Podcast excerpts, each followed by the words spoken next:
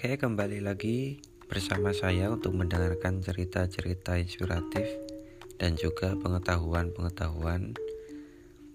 Untuk segmen kali ini, seperti biasa, aku akan membagikan cerita-cerita yang memberikan sebuah inspirasi bagi kita, memberikan sebuah hikmah dan pelajaran, baik dari saya sendiri maupun dari teman-teman saya yang berkenan membagikan ceritanya untuk ke kemudian saya sampaikan ulang ke kalian.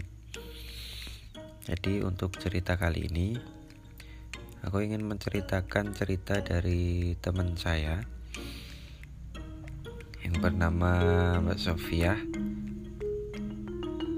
adik kelas saya dari kampus yang berkenan memberikan ceritanya pengalamannya mengikuti lomba event nasional.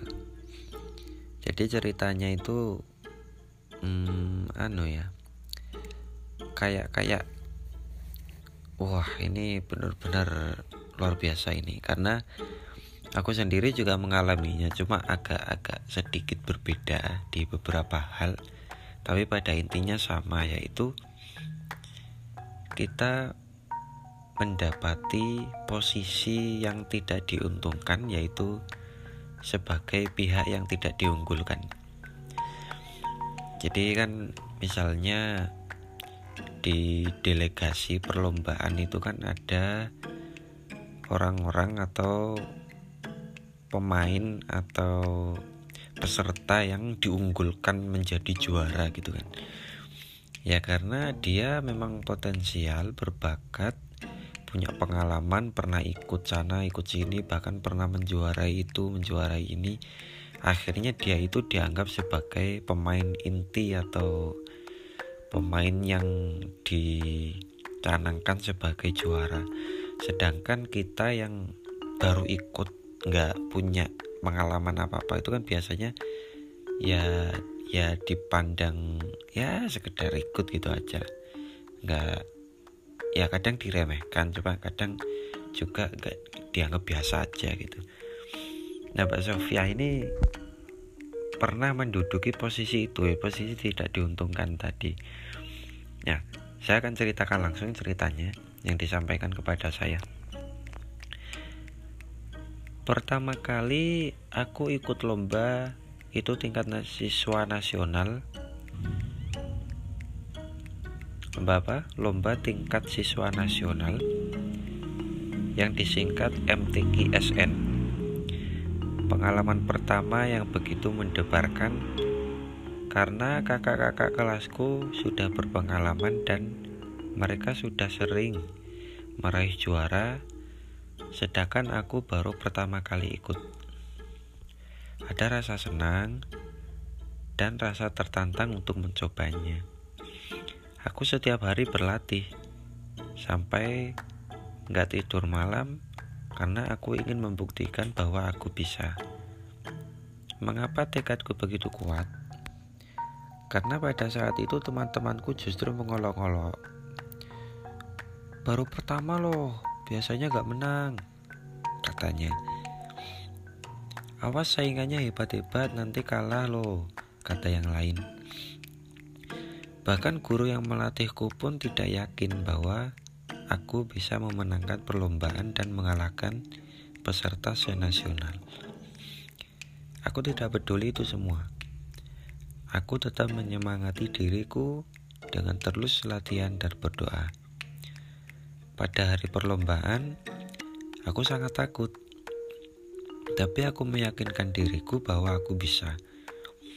Dan alhamdulillah, biiznillah, aku bisa meraih juara dua se-nasional.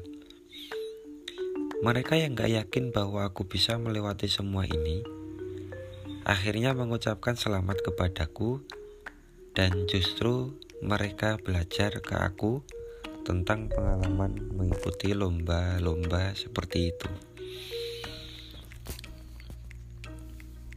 Terdengar sangat menarik ya. Aku aku mendengarkan cerita ini tuh wah benar-benar gak nyangka gitu. Yang awalnya kita itu diremehkan dicemooh diolok-olok tapi ternyata kita bisa menampar balik semua cemoohan itu dengan pembuktian bahwa kita bisa. Ini benar-benar sesuatu yang luar biasa. Karena nggak semua orang bisa kuat dengan injakan seperti itu gitu. Kita harus mengakui bahwa aspek mental itu penting.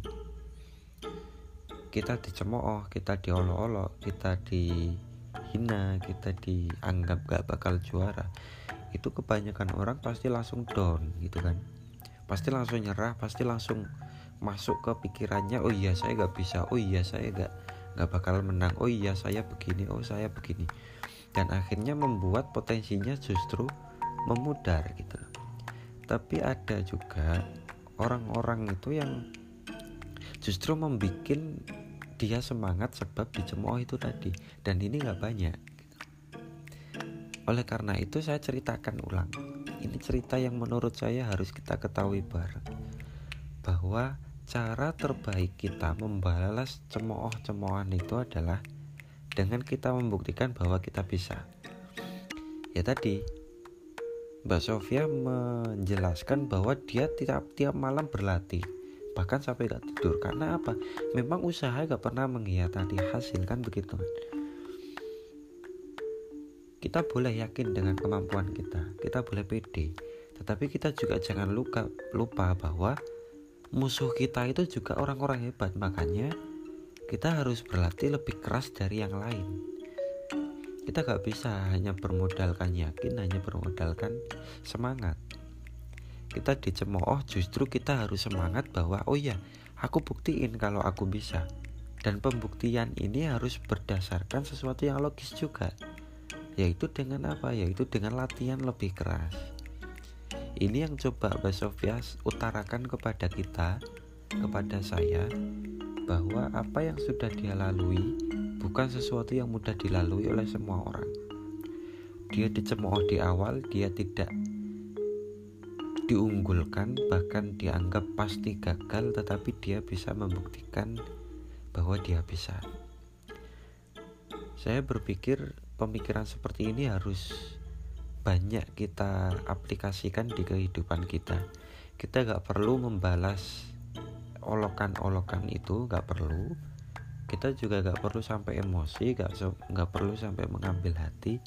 Kita cukup hanya latihan ketika mereka gak tahu dan akhirnya kita kembali dengan membawa predikat sebagai juara.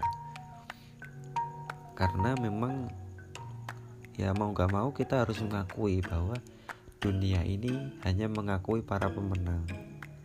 Mbak Sofia tadi di awal-awal dia diremehkan namun setelah dia juara membuktikan bahwa dia bisa menjuarai event nasional pada akhirnya dia diapresiasi, dia dipuji-puji, bahkan diminta cerita, dibagi-bagikan pengalaman. Memang seperti itu. Dan kita gak bisa menolak itu. Kalau kamu ingin dihormati, ya kamu harus membuat sesuatu yang luar biasa. Gak sampai di sini paham ya. Jadi ini cerita yang sederhana tetapi memiliki makna yang luar biasa. Dan saya pikir ini cerita yang luar biasa memang. Cerita yang gak semua orang bisa melewatinya. Gak semua orang bisa memiliki cerita seperti ini. Jadi apa yang sudah Mbak Sofia utarakan kepada kita semoga kita bisa mengikuti caranya melewati cemoohan itu tadi cara dia berjuang dan cara dia membuktikan bahwa dirinya itu juga bisa juga patut di di apa dibanggakan. Dan dan jangan lupa kalau kamu juara siapa yang paling senang? Siapa yang paling bangga? Tentu orang tua kita tentu keluarga kita. Itu jangan sampai kita lupakan. Karena banyak sekali orang itu yang ah gak apa-apa gak juara. Ah gak apa-apa yang penting ikut. Ah gak apa-apa kamu jadi perwakilan aja udah bagus gitu. Tapi saya pikir itu gak tepat. Kita harus mengincar juara. Ngapain lomba kalau gak jadi juara kan begitu? Karena juara kita bukan kok demi diri kita sendiri tapi demi orang yang kita sayangi mereka akan bangga melihat kita naik ke panggung.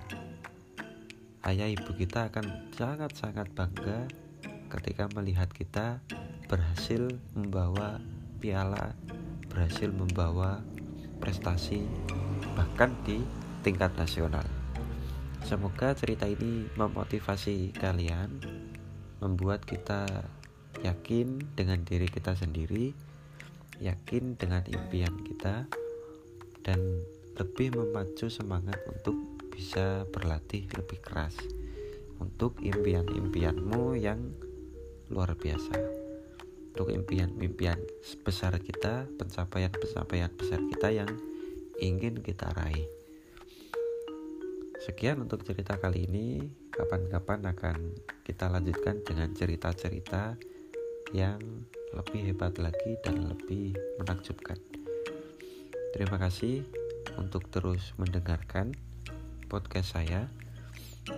Jangan lelah belajar, jangan lelah untuk terus memahami dunia ini, mengenali dirimu sendiri untuk dirimu dan untuk orang-orang yang kita sayangi. Terima kasih dan sampai jumpa. thank you